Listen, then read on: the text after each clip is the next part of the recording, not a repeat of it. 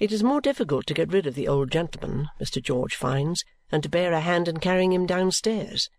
For when he is replaced in his conveyance, he is so loquacious on the subject of the guineas and retains such an affectionate hold of his button, having in truth a secret longing to rip his coat open and rob him, that some degree of force is necessary on the trooper's part to effect a separation. It is accomplished at last, and he proceeds alone in quest of his adviser.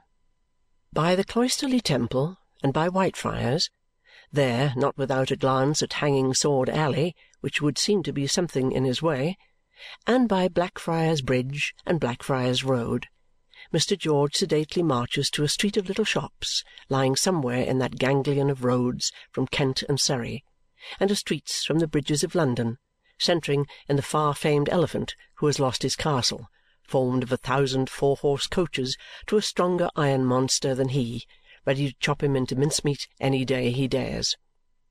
To one of the little shops in this street, which is a musician's shop having a few fiddles in the window, and some Pan's pipes, and a tambourine, and a triangle, and certain elongated scraps of music, Mr. George directs his massive tread. And, halting at a few paces from it, as he sees a soldierly-looking woman with her outer skirts tucked up come forth with a small wooden tub, and in that tub commence a whisking and a splashing on the margin of the pavement.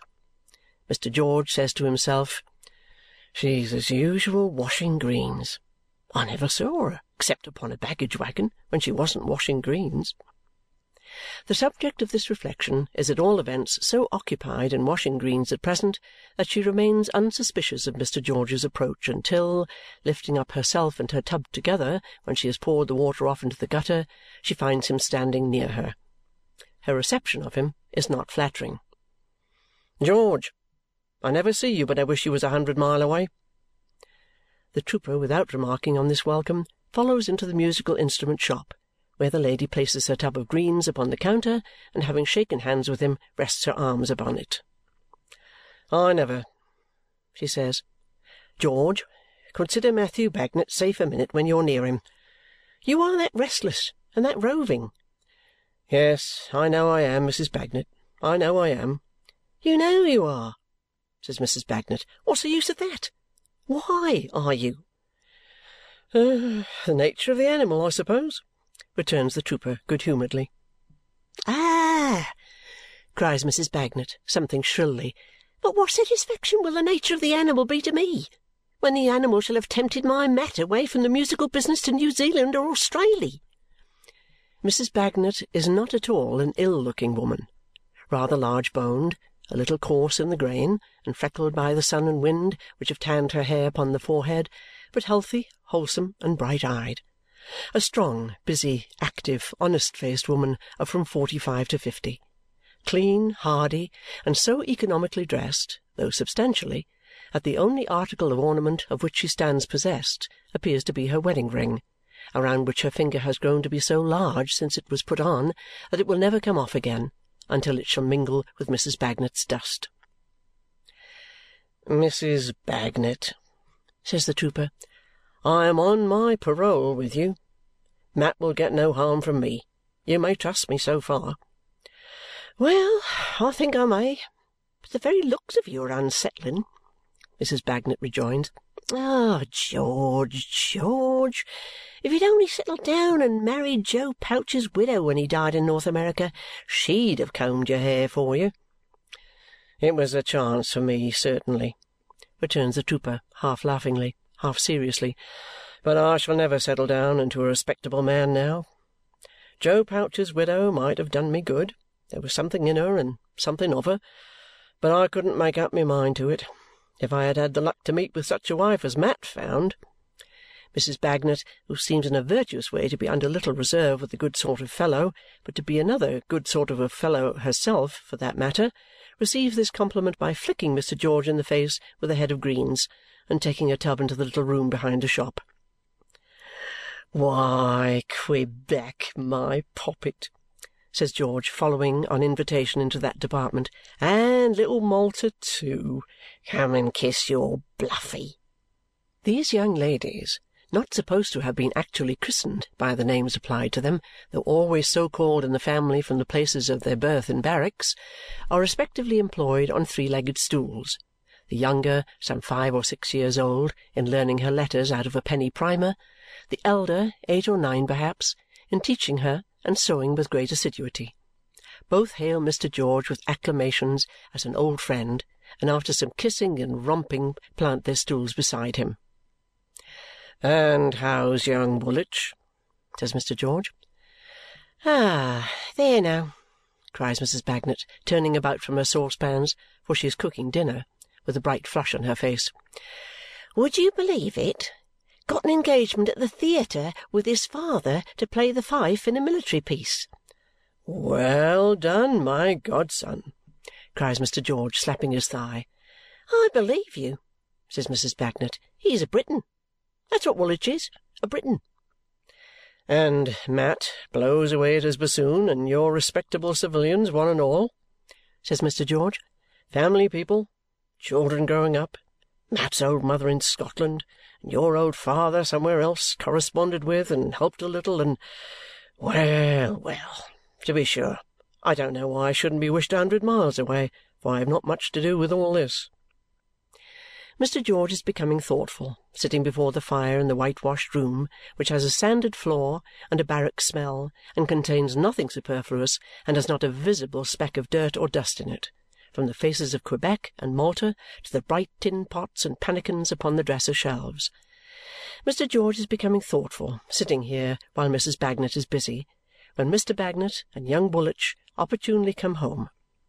Mr. Bagnet is an ex-artilleryman tall and upright, with shaggy eyebrows and whiskers like the fibres of a coconut, not a hair upon his head, and a torrid complexion. His voice, short, deep, and resonant, is not at all unlike the tones of the instrument to which he is devoted. Indeed, there may be generally observed in him an unbending, unyielding, brass-bound air, as if he were himself the bassoon of the human orchestra. Young Woolwich is the type and model of a young drummer. Both father and son salute the trooper heartily, he saying in due season that he has come to advise with Mr. Bagnet. Mr. Bagnet hospitably declares that he will hear of no business until after dinner and that his friend shall not partake of his counsel without first partaking of boiled pork and greens. The trooper yielding to this invitation, he and Mr. Bagnet, not to embarrass the domestic preparations, go forth to take a turn up and down the little street which they promenade with measured tread and folded arms as if it were a rampart. "George," says Mr. Bagnet, "you know me. It's my old girl that advises. She has the head, but I never owned to it before her. Discipline must be maintained. Wait till the greens is off her mind, then we'll consult. Whatever the old girl says do, do it." "I intend to, Mat replies the other. "I would sooner take her opinion than that of a college." "College!" returns Mr. Bagnet in short sentences, bassoon like. "What college could you leave? In another quarter of the world, with nothing but a grey cloak and an umbrella, to make its home to Europe. The old girl would do it to-morrow. Did it once." "You're right," says Mr. George. "What college," pursues Bagnet, "could you set up in life? With two penn'orth of white lime? a penn'orth of fuller's earth, a heap of the sand, and the rest of the change out of sixpence in money. That's what the old girl started on in the present business." "I am rejoiced to hear it's thriving, Mat." "The old girl," says Mr. Bagnet, acquiescing, "saves. Has a stocking somewhere, with money in it. I never saw it, but I know she's got it. Wait till the greens is off her mind, then she'll set you up." "She is a treasure!" exclaims Mr. George. "She's more but I never owned to it before her. Discipline must be maintained. It was the old girl that brought out my musical abilities. I should have been in the artillery now but for the old girl. Six years I hammered at the fiddle, ten at the flute. The old girl said it wouldn't do. Intention good, but want of flexibility. Try the bassoon. The old girl borrowed a bassoon from the bad master of the rifle regiment. I practised in the trenches, got on, got another, get a living by it. George remarks that she looks as fresh as a rose and as sound as an apple. "The old girl," says Mr. Bagnet in reply, is a thoroughly fine woman. Consequently, she is like a thoroughly fine day. Gets finer as she gets on. I never saw the old girl's equal, but I never owned to it before her. Discipline must be maintained. Proceeding to converse on different matters, they walk up and down the little street, keeping step and time, until summoned by Quebec and Malta to do justice to the pork and greens, over which Mrs. Bagnet, like a military chaplain, says a short grace. In the distribution of these comestibles, as in every other household duty, Mrs. Bagnet develops an exact system, sitting with every dish before her, allotting to every portion of pork its own portion of pot liquor, greens, potatoes, and even mustard, and serving it out complete. Having likewise served out the beer from a can and thus supplied the mess with all things necessary, Mrs. Bagnet proceeds to satisfy her own hunger, which is in a healthy state. The kit of the mess, if the table furniture may be so denominated, is chiefly composed of utensils of horn and tin that have done duty in several parts of the world. Young Woolwich's knife, in particular, which is of the oyster kind, with the additional feature of a strong shutting up movement which frequently balks the appetite of that young musician, is mentioned as having gone in various hands the complete round of foreign service.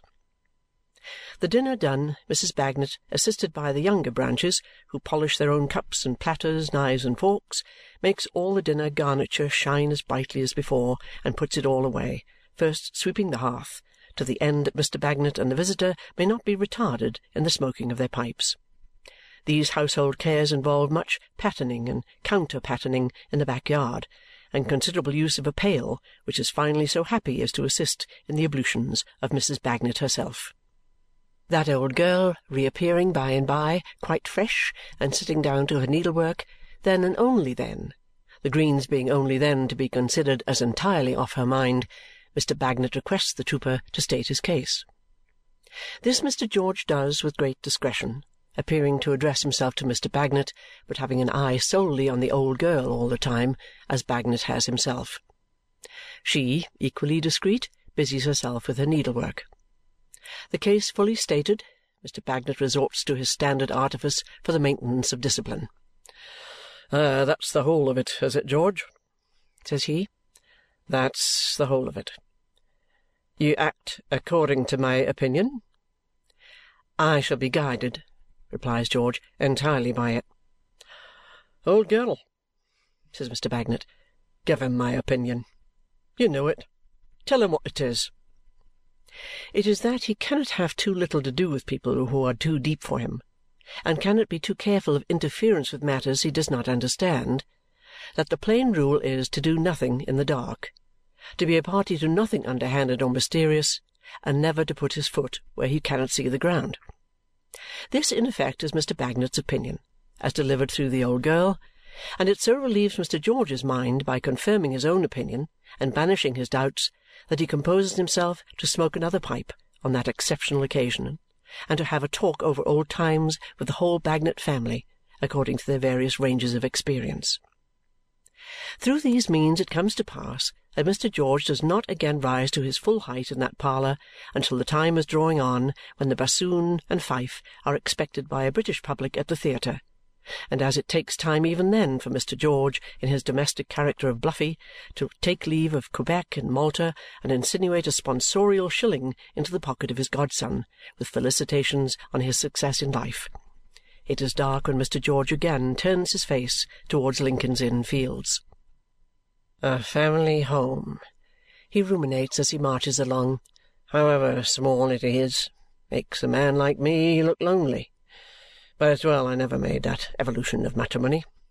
I shouldn't have been fit for it. I am such a vagabond still, even at my present time of life, that I couldn't hold to the gallery a month together if it was a regular pursuit, or if I didn't camp there, gipsy fashion. Come! I disgrace nobody and cumber nobody. That's something. I have not done that for many a long year. So he whistles it off and marches on. Arrived in Lincoln's Inn Fields, and mounting Mr. Tulkinghorn's stair, he finds the outer door closed and the chambers shut. But the trooper not knowing much about outer doors, and the staircase being dark besides, he is yet fumbling and groping about, hoping to discover a bell handle or to open the door for himself, when Mr. Tulkinghorn comes up the stairs, quietly of course, and angrily asks, "Who is that? What are you doing there?" I ask your pardon, sir. It is George, the sergeant. And couldn't George, the sergeant, see that my door was locked? Why, no, sir, I couldn't. At any rate, I didn't, says the trooper, rather nettled. Have you changed your mind? Or are you in the same mind? Mr. Tulkinghorn demands, but he knows well enough at a glance. In the same mind, sir. I thought so. That's sufficient. You can go. So you are the man, says Mr. Tulkinghorn, opening his door with the key, in whose hiding place Mr. Gridley was found. Yes, I am the man, says the trooper, stopping two or three stairs down.